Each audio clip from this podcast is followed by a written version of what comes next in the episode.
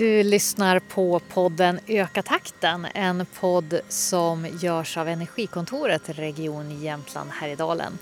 Och idag är det lite extra spännande. Jag som heter Elisabeth Wixell står här tillsammans med min kollega Elisabeth Ågård och eh, vi kör live idag. Var är vi någonstans? Ja, men idag är vi vid Ottfjällets förskola i Torvalla utanför Östersund. Och här är det ju spännande och en ganska unik satsning som är på gång, eller hur? Ja, men precis. Vi, för några poddar sedan så pratade vi med eh, Ann Sörensson och eh, Sofia Grellson på Östersunds kommun som eh, projektleder den här unika utsläppsfria byggarbetsplatsen som precis har kickat igång här i Torvalla. Ja, och nu så ska vi få höra från både Volvo och Skanska. Vi ska få höra ifrån de som kör de här eh, elektriska byggmaskinerna och det är alla möjliga spännande personer här så att vi knatar väl in helt enkelt. Yes, kom!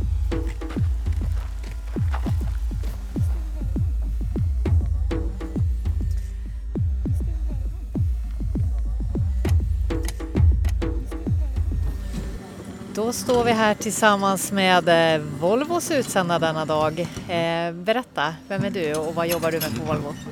Jag heter Niklas Nilroth och eh, jag är hållbarhetschef inom Volvo Construction Equipment, alltså Volvos anläggningsmaskiner. Du står här med ett glas bubbel, Ja. ser väldigt nöjd ut. Du, vi hörde ju lite grann här i bakgrunden och så tittar vi på en, en ganska unik maskin. Vad är, vad är det för något vi hör och vad är det vi ser? Mm. Det är en eh, grävmaskin och eh, av eh, fabrikatet Volvo då förstås. Medelstor kan vi säga, den typen av maskiner som går väldigt mycket på arbetsplatser, typ den här vid Ortfjällets förskola. Och den är då framförallt helelektrisk, alltså ingen dieselanvändning eller några dieselmotorer utan helelektrisk. Hur vanlig är den här eh, arbetsmaskinen då? Just den här maskinen som eh, vi står framför nu då, som då heter EC230. För de som är initierade så brukar man säga att det är en 23-tons maskin. Den väger 23 ton då. Och den är inte helt unik men eh, näst inpå då. Det finns ett par, tre stycken i, i Sverige än så länge. Men eh, vi har precis börjat serieproducera de här maskinerna. I vilken omfattning då? Alltså hur många, hur många finns det önskemål om? Jag ska säga att, att efterfrågan ökar ju allt eftersom. Nu handlar det väldigt mycket om den här typen av projekt. Eh, vi har- vi kör motsvarande något i Stockholm och ett par andra ställen. Men eh, vi räknar ju med att eh, efterfrågan ökar rätt så snabbt framöver. Vad det handlar om nu det är egentligen att göra våra beställare medvetna om att nu finns faktiskt de här maskinerna att beställa. Nu finns de serieproducerade. Det här är ju vad jag förstår, det är ju en, en liksom standardmaskin på ett bygge, kan man säga så? Ja. Är det, är det rent av en storsäljare om man liksom pratar om på den fossila sidan? Men det stämmer alldeles utmärkt. Det det här är precis den modellen som säljer allra mest. Och det är då viktigt givetvis för vårt mål är ju att, att bidra kraftigt till att reducera koldioxidutsläppen. Och eh, då är det ju förstås viktigt att eh, eh, elektrifiera de maskiner där vi, som vi säljer mycket. Då får vi ju stor effekt på, på reduktionen av växthusgaser också. Och, och berätta lite framtidsvisionen då. Hur, hur snabbt hoppas, tror du att, att det här kan gå tills, tills det här blir en storsäljare, även den elektriska? Jag kan säga det, det som är vårt mål inom, inom Volvo-koncernen totalt sett då, det är att ha helt emissionsfria maskiner till 100% på marknaden 2040. Och det kan ju tyckas väldigt långt framöver men det är klart, eh, det är faktiskt bara 16-17 år och eh, det är väldigt mycket som ska utvecklas. Eh, dels vad det gäller maskinerna men eh, det är ju mer än maskiner också. Det handlar ju om en infrastruktur. Det måste gå att ladda de här maskinerna. De används många gånger i tillämpningar som är långt ifrån stan och där eh, det kan vara en utmaning då. Så det här med laddinfrastruktur och eh, batterilager och motsvarande är också någonting som vi, som vi utvecklar väldigt mycket. Men jag kan lägga till då med avseende på ambitionerna då. Fram till 2030 då så har vi som mål då att minst 35 procent av vår försäljning eh, ska vara elektriska maskiner då. Ifrån att idag vara var ganska marginell faktiskt, ner kanske någon procent. Då. Så det är en väldigt snabb utveckling. De kommande sju åren och de ytterligare tio åren därefter så ska vi gå till noll. Då. Vi kan väl knata förbi här nere där ni har eh, laddarna till, till maskinerna. Ja. Eh, här är det ett antal burkar. Ja. Berätta, vad är det vi tittar på här? Ja. Ja, då handlar det ju eh, framförallt den här större maskinen då eh, har då batterier som är motsvarande 264 kilowattimmar för de som är insatta då. Kan väl jämföra med en elektrisk bil brukar ligga på kanske ungefär 70-80 kilowattimmar ungefär då i, i kapacitet. Och eh, de här behöver ju givetvis laddas. Eh, vad det gäller vår medelstora grävare så räknar vi med att man kan köra den här en hel arbetsdag, ungefär åtta timmar. Men då behöver du göra ett laddstopp eh, mitt på dagen då. Vilket är, väldigt lämpligt för de flesta för det, är då man tar lunch helt enkelt. Så man sätter maskinen på laddning vid lunch och sen kan man köra hela dagen då. Och om man då använder maskinen i en på en plats som här vid eh, Ortfjällets förskola där det inte finns el framdraget. Och då är det klart att då behöver man den här typen av batterilager då. Så man kan snabbladda över eh, lunchen och eh, givetvis sen på natten fortsätta och, och ladda så det är fulladdat på, på morgonen när man startar igen. Här är det en sån här vanlig billaddare egentligen. Ja. Eh, CCS2 samma uttag, ja. 150 kilowatt står det på den. Ja. Det, det, jag skulle i princip kunna ladda min elbil här. Ja, jag, nu, nu, är det inte jag som har ställt hit den här men eh, jag kan tänka mig att du kan köra hit och ladda bilen. Och det är precis samma kontakt och, och princip med, med vår eh, grävare som det är med, med din bil. Även om vi har då lite mer batterier i, i vår grävare. Då. Men om vi backar lite grann till utvecklingen av arbetsmaskiner. Vilken typ av arbetsmaskiner jobbar ni också med? Mm. Det finns ju ett antal olika maskiner i, i vårt sortiment på marknaden överhuvudtaget. Då. Och eh, den maskinen som kanske är mest lämplig att elektrifiera då, det, det, är egentligen den här eh, grävaren som jag har visat och inte bara den storleken men, men grävare överhuvudtaget. Och det är även volymen av alla entreprenadmaskiner, alltså den största volymen är grävmaskiner. Då. Eh, den andra delen som vi också har ute på marknaden idag då, men i lite mindre versioner, det är då det vi kallar hjullastare, eller det som har en ja, frontlastare kan man också kalla, men en stor skopa fram då. Och eh, den har vi också ute på marknaden idag då, men i mindre variant då. Så grävare, hjullastare i mindre varianter, men även den här eh, grävaren i, i medelstor då. Sen kommer det fler då. Det finns ju exempelvis dumprar, det finns eh, vältar och så vidare. Och eh, som jag precis nämnde här i samband med, med invigningen då så i dagsläget så har vi väl en 6-7 olika modeller helelektrifierade på marknaden och vi räknar fram till 2030 då att ha över 100 olika varianter ute på, på marknaden. Då. Så det är en väldigt snabb utveckling de, de kommande åren. Men om vi går lite hit eh, längre bort här och kikar över byggstaketet så, så eh, finns det ju ändå några olika varianter som vi ser bara, bara här. Va, vad är det här för något? Det är då en eh, sån hjullastare som jag nämnde och med 2,5 tons kapacitet för den som är insatt i, i det. En mindre servicemaskin kan man väl kalla det för då som eh, är väldigt användbar på just den här typen av arbetsplats. Då. Men här har jag förstått att, förstått att det är fortfarande lite utmaningar. Den är eh, kanske lite i minsta laget eh, och behöver, därför står en ellastbil bredvid som man behöver jobba tillsammans med. Eh, vad kan du säga om det där? Ja, det, det, kan vara en bra setup just på den här arbetsplatsen och ha, ha lastbilen på plats också. Sen, sen kommer det ju större hjullastare också. Det här är som sagt eh, första eh, versionen av våra elektriska eh, hjullastare och ja, vi, vi, har ett antal större på gång också. Då. Mm. Så det händer mycket och sen ser vi här också någon eh, liten vältvariant. Mm. Just den här maskinen är ju undantaget i den här arbetsplatsen då. Ja, det är den enda som ni inte riktigt har lyckats eh, få till elektriskt. Annars är eh, 95 procent här är ju helelektriskt. Men Ja. vad är det som gör det lurigt att ställa om just vältar? kan nog säga att det egentligen är mest, eh, och då, ja, då talar jag ur Volvos perspektiv, det finns många andra tillverkare, den vi ser framför oss just nu är ju ingen Volvo då. Men eh, i vårt fall så handlar det ju helt enkelt om att vi har prioriterat exempelvis grävmaskinerna och hjulastarna först då. Och det har vi gjort av den anledningen att vi har större volymer där och vi får en större effekt då på CO2-reduktionen om vi börjar med de maskinerna. Men det kommer ju elektriska eh, vältar också så småningom, absolut. Kanske i närtid eh, hörde vi av våra representanter från Skanska här nyligen.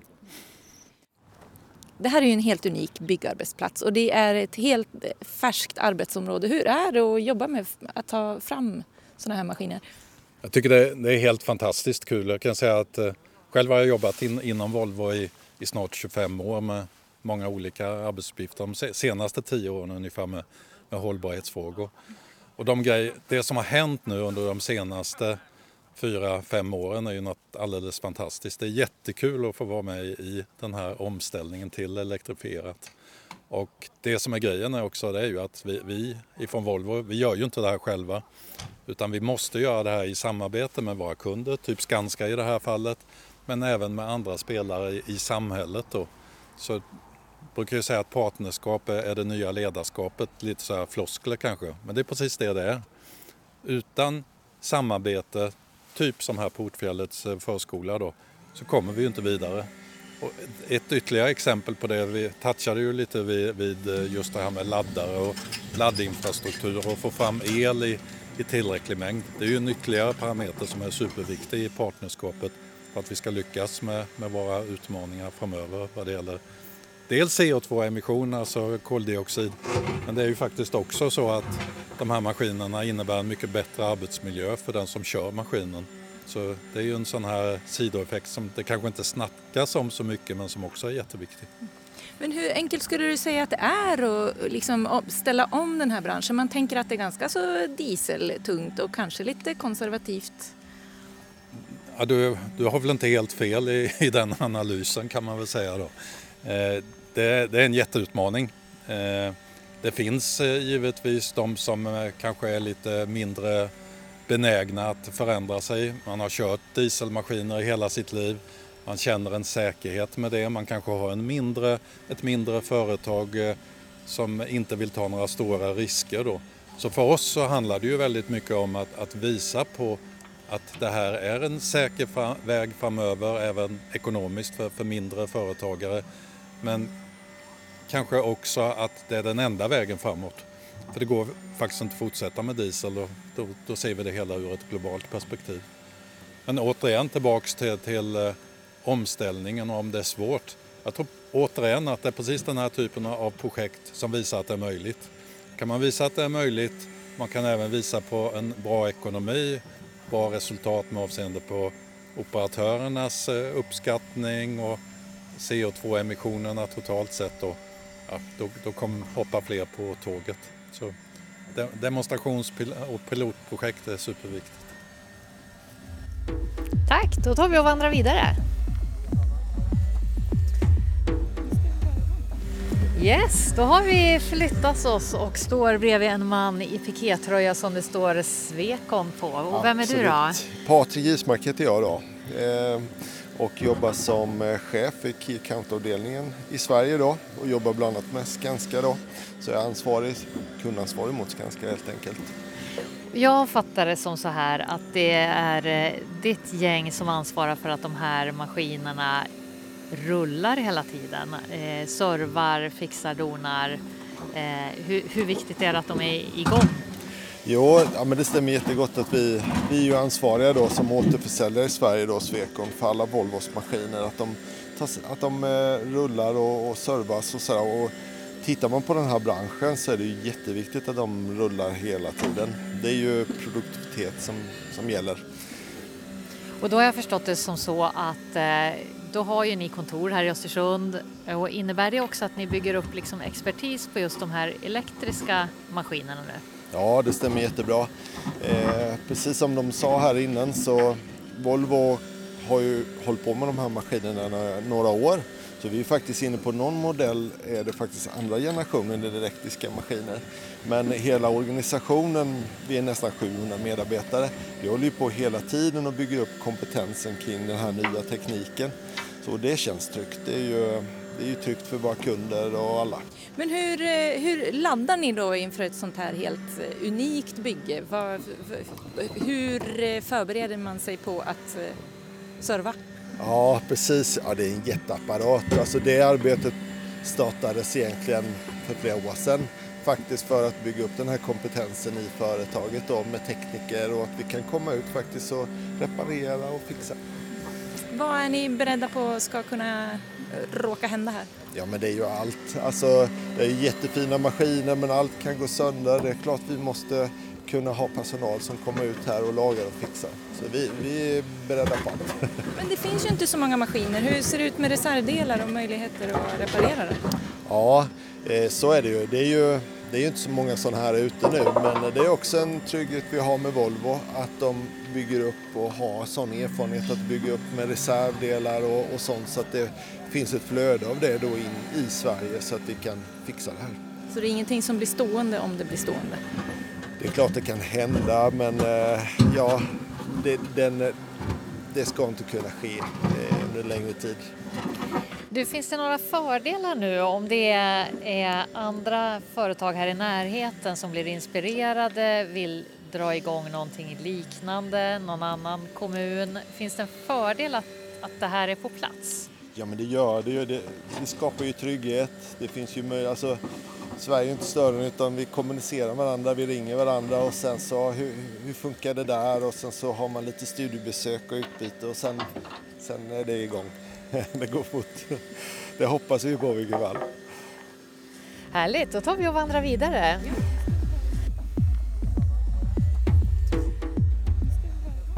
men nu blir jag lite nyfiken på att höra Svante Axelsson, Fossilfritt Sverige. Han känns ju väldigt entusiastisk. Oerhört entusiastisk och Fossilfritt Sverige är ju ett regeringsinitiativ för att driva på. Det tror jag verkligen att han gör. Här har vi då Svante ja. Axelsson. Du, vi sa att du såg väldigt, väldigt pepp ut. Ja, absolut. Men vad kan man vara annars, eh, annat den här dagen? Det är ju så fint väder men framförallt tänker jag på planeten och världen. Vi ska ställa om eh, vår planet eh, oerhört snabbt.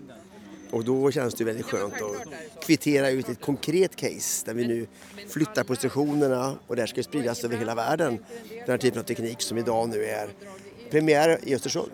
Och jag fattar det som så att du och ni på Fossilfri Sverige har liksom portionerat ut goda idéer som behöver pilotas och så valde ni Östersund för just det här. Var, varför valde ni Östersund? Vi valde egentligen eh, offensiva, kaxiga kommuner som inte är de här stora elefanterna som Stockholm, Göteborg och Malmö. Och då, eh, mellanstora kommuner och då blev det Helsingborg, Örebro, Uppsala, Växjö, Umeå och Östersund. Och sen var vi på dem och sa att nu får ni steppa upp lite. Ni är klimatledare. Hur ska ni agera som ledare? Då måste ni göra någonting nytt. Och i de förhandlingarna så pressar vi kommunen ganska hårt. Alltså, det här duger inte. Det är för mellanmjölksprojekt. Det måste vara spets. För, för om det inte är spets så blir det ingen större momentum av det. Och då kom de tillbaka med den här idén. Och då stöttade vi det och sen har vi också varit med och tryckt på, inte minst Skanska och andra, att liksom eh, hänga på. Så vi är väl lite grann så här matchmaker eh, för att få hela laget att jobba tillsammans. Men ni har inte varit inblandade i vilka projekt som de här kommunerna Nej. har tagit tag i? Nej, det har vi inte gjort. Utan kommunen själv, ja okej, ska det vara spets? Vad kan det vara då? Ja, ska vi ha ju två förskolor här. Det var ju Luktärtan och Otfjället. Eh, Luktärtan låg för nära i tid och så fanns det inte maskiner och så fick man snacka med Skanska och så, ja, det finns lite så här Ja, men all, all vår början är ju svår. Att liksom, ska vi gå in här nu, varför det? Och, men eh, Sverige är ju världsbäst på samverkan. Och, och därför är det ganska lättjobbat. Folk är snälla, trevliga, men man måste knuffa på dem också. Vad säger du om det här då, om du blickar ut över det som i alla fall har börjat bli en arbetsplats här? Det ser jättebra ut. Alltså, det är också väldigt fint läge här med sluttningen, tänker jag. och att det är så mycket eh, fin natur här. Nej, men jag, jag kan ju inte orten så, jag bara är neddimpad här i backen. Men det ser väldigt bra ut tycker jag. Och, eh, ja, men Östersund överhuvudtaget kommun är ju framåt. Det är därför som vi blev utvalda som klimatledare. Vi ska väl säga nu det. man ju det, tycker jag. Vi ska väl säga det för de som inte riktigt har koll på Östersund som också kanske är neddimpna eller, eller lyssnar någon annanstans i landet att Torvalla ligger ju öster om Östersund, är ju en förort till Östersund kan man säga och, och just förskolan ligger ganska fint som mm. du säger i en sluttning med, ser ut som det kan bli lite utsikt och skog runt om ja, omkring här. Det är jättefint den här, alltså den här dagen också med fantastiska luften och solen och barnen. Man kan ju se hur idylliskt det kommer att bli här. Och så bygger man ju barnens framtid, det tycker jag är så fint också att det är ju, det är ju barnens framtid som vi, förebygger, som vi bygger nu. Med en, en hållbar utveckling. Med elektrifiering, med mindre, ja här är ju inga utsläpp alls av koldioxid så att det, eh, det är en väldigt stark symbolik att bygga för barnen, ja men då ska vi inte sabba planeten. Det här är ju ett pilotprojekt. Ja. Eh, när tror du att det här blir liksom standard? När, när, när liksom rullas det ut den här typen av byggen över landet? Första man kan säga är det kommer gå fortare än vi tror. Uh, och jag, han svajar ju inte alls på manschetten, uh, Staffan Andersson, när jag frågade här. Staffan från Skanska? Ja. Då kan ni konceptualisera det här. Nu kan man ringa er, för vi ska ju själva som Fossilfritt Sverige nu säga att gör som Östersund. Nu finns det ju ett exempel och då kan ju alla kommuner upphandla enligt den här modellen. Och då kan ju Skanska konceptualisera att ja, men en sån här produkt kan vi fixa. Det fanns ju inte i skyltfönstret förut. Nu finns det i skyltfönstret. Och finns det i skyltfönstret, ja då går det att köpa. Och vi ska vara en påskyndare i vår roll. Så att vi har en stor konferens den 19 september. Då kommer vi att utmana kommunerna i Sverige att hur många hänger på nu då? Och bygger nästa skola eller vad det nu är. Så att, eh, nej, det här går fort. Alltså, tänk efter hur det var med första elbilen. Det gick fortare. Första lastbilen fortare. Första elflyget som är på gång. Allt går mycket, mycket fortare än vi har tänkt just på elektrifiering.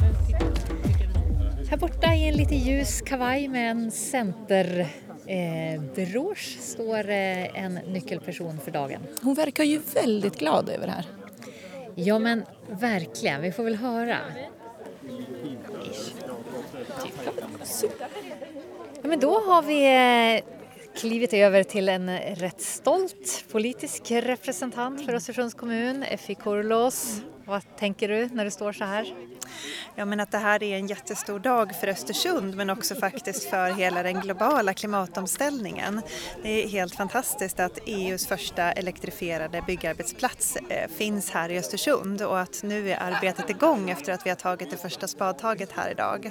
Så jag är otroligt stolt. Och varför, är det, varför, varför sticker Östersund ut på det här viset? Men det är en kombination av att det finns politisk vilja att satsa på åtgärder för klimatomställningen och att vi i det här projektet också har krokat arm med näringslivet. Och det visar ju på vilken kraft det faktiskt blir när politiken och näringslivet går ihop. Och det är så vi kan driva klimatomställningen framåt. Ehm, så det är väldigt, väldigt stort. I en eh, sån här signalfärgad Skanska-jacka med en kavaj under står vem då? Hej, jag heter Staffan Andersson och är vice VD i Skanska Sverige och ansvarar för husverksamheten i Sverige. Vi har precis pratat här med Svante Axelsson som lät väldigt peppad av det här att du har lovat att nej men nu gör vi det här till ett koncept. Det här går att eh, komma till er och beställa en sån här utsläppsfri arbetsplats. Är, är det, vågar du lova att det verkligen är så nu eller är det här något som är på gång? Man kan säga att detta är ju ett spjutspetsprojekt och eh, det vi gör som spjutspets idag det kommer ju bli normalläge om något år. Så att eh, det är det jag tycker är så fantastiskt med detta projektet för att eh, vi jobbar med klimatfrågan i alla projekt. Eh, och det gäller ju verkligen att få ut klimatfrågan på bredden. Men ibland behöver vi ta lite större kliv och då tycker jag detta är ett jättebra exempel där vi tar ett sådant kliv. Ni är också med och vad jag förstår öppnar plånboken lite här, delar på notan för merkostnaden med, med Östersunds kommun. Va, vad kan du säga om det? Nej, men jag tror det är viktigt att, eh, att eh, visa att vi menar allvar. Ska vi göra förändring så måste vi vara beredda att investera.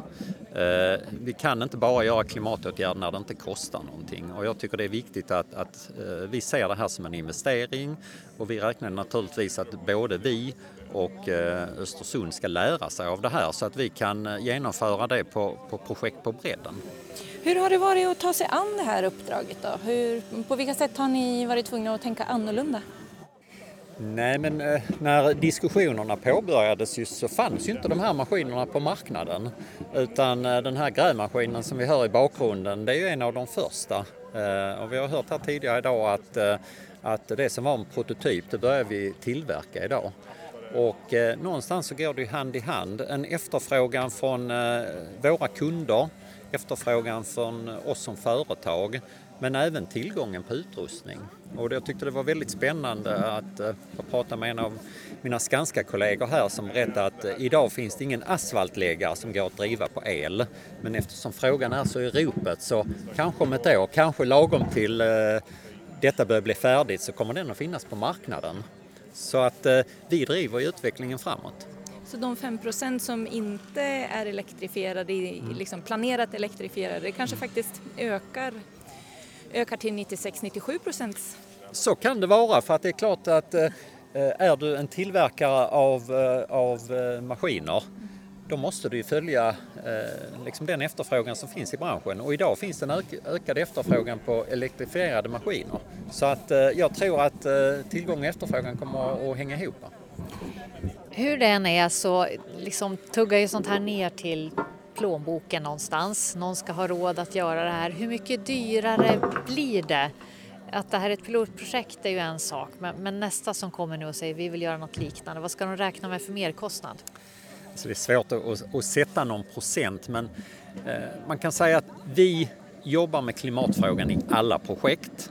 Och det handlar ju inte om antingen lönsamhet eller klimat utan vi måste kunna hantera både och. Och det jag tycker känns spännande det är att eftersom vi jobbar väldigt konkret nu med klimatkalkyler så kan vi faktiskt väga eh, hur mycket kostnar en viss besparing.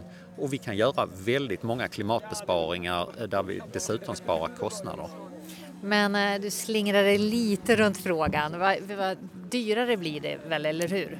Dy dyrare blir det så här initialt och det är därför vi gör den här extra investeringen. Och just i detta projektet, de här eh, styvt 4 miljonerna, det är så mycket dyrare det är i detta projektet. Och sen får ju utvecklingen på maskinsidan se hur mycket det kostar i nästa projekt. Eh, men vi kan ju se det på bilar till exempel. För ett antal år sedan så var, då var elbilar pilot och idag rullar massor med elbilar eh, ute på våra vägar. Vi har byggt en, eh, upp en infrastruktur kring laddare. Det är inte dyrare att köra elbil idag än att köra en, en, en bensindriven bil. Vi kommer att se samma utveckling här. Men vi eh, i branschen, vi måste ju vara beredda att investera och vara beredda att våga ta de eh, stegen. Hur ser det ut för Skanskas del framöver då? Har ni flera projekt i, i samma linje? Vi har ett projekt i Stockholm där vi också jobbar med en elektrisk eh, grävmaskin. Men eh, detta är det första eh, som vi jobbar eh, i den här skalan. Men man kan säga att vi, vi jobbar med klimatfrågan och klimatkalkyler i alla projekt. Vi har nu håller på att färdigställa vårt första klimatneutrala kontor. Vi håller på att färdigställa våra första klimatneutrala radhus. Och det som är spjutspets i den, de projekten, de tar vi med oss liksom som bredd i kommande projekt. När kan man förvänta sig att det är liksom det här sättet som ni kommer att projektera på? Det, det handlar ju om tillgången på, på maskiner. Eh, vi känner att det, detta är rätt väg att gå. Eh, sen tror jag att eh, i detta fallet Östersund kommun har ju varit eh, modiga som vågar ställa krav. Eh, och det jag tycker är spännande här är att det blir väldigt konkret. Det är lätt att den här klimatfrågan blir lite generell och lite allmän. Men här är det väldigt konkret. Här gör vi det är väldigt synliga åtgärder och de går att liksom mäta vilken påverkan det har. Ja, men tack så jättemycket. Då tar vi och minglar vidare här. Tack ska ni ha. Mm. Ja, men då är det lite paus här. Grävaren har stannat och ut har vem då kommit? Abbe Abner Sjöberg. Hur är det att köra den här elektriska grävaren jämfört med andra du brukar köra fossildrivna? Ja, det är väl mest ljudet. Alltså, det blir helt tyst när du stänger av. Ja, när du kliver ur den så är det helt tyst liksom. Du, du kör aldrig på tomgång eller någonting utan ja, det är lätt att prata med dem utanför om de kommer och ska ha reda på någonting.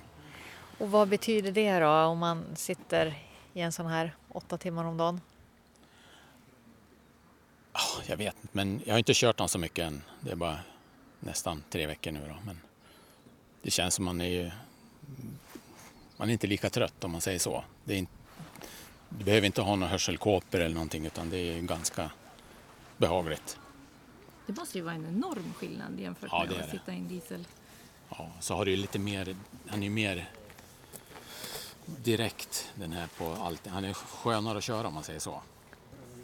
Han är liksom, ja, det, det är ingen fördröjning på spakar och sånt där. Och, som dieselmotorn måste ju varva upp lite grann och den här har ju allting på en gång.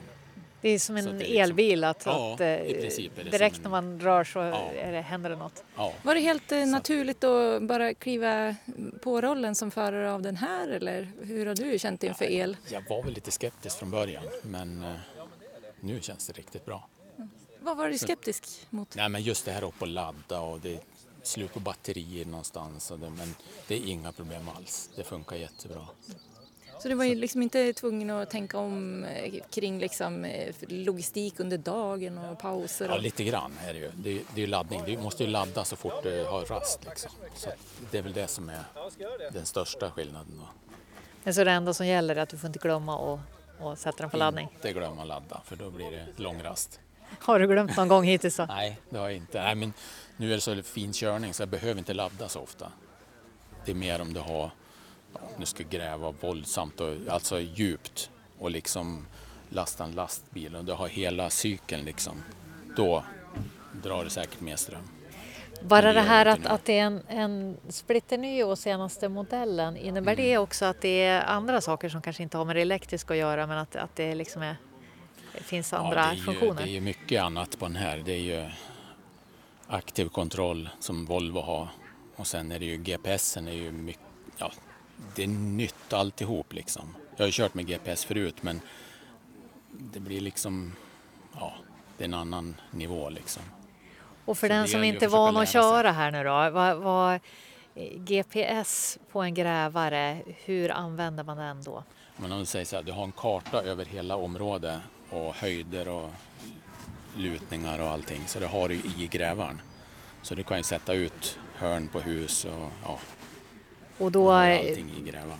du har allt i grävaren och det betyder att eh, det är mindre risk för mänskliga fel också då, eller? Ja, man kan ju göra fel. Det är helt klart. Men det gäller att hålla koll så att man, det kan ju vara fel på, på ritningen om man säger så. Så det gäller ju att, Men sammantaget så ser du ganska positivt på det här. ja det är det. det man måste ju lära sig lite mer, alltså man måste ju utveckla sig. Så att det är lite spännande. Så är det. Från början, så är det är helt klart. Ja, men då säger vi lycka till så väldigt mycket med det här då. Ja, tackar. Ja, men nu står jag här med Sofia Grellson, projektledare. Du var ju med i vår podd för några veckor sedan. Och då hade ju inte det här kickat igång. Nu står du och blickar ut över en arbetsplats och det råder i alla fall, inte, inte kanske full fart, men lite fart. Hur känns det här? Ja men det är roligt. Nu ser man ju vad som händer och lite, lite marknivåer kan man ana. Det är ju jätteroligt att försöka förstå vad kommer det här bli? En förskola för 140 barn eh, om två år. Ja, det är ett väldigt häftigt projekt och eh, du kommer ju också, tror jag, jag vågar lova att du kommer vara här och guida den som vill när vi har lite studiebesök här i slutet av augusti. Kan det stämma? Ja men jag tänker att jag ställer upp. Det låter jättefint. Så då finns ju möjligheten att vara med här. Det är ju då vi har slutkonferens i både det här projektet Förnybart i tanken och eh, i vårt systerprojekt Stolpe in för stad och land. Vill man anmäla sig då tycker jag att man kan höra av sig till mejladressen energikontoret regionjh.se.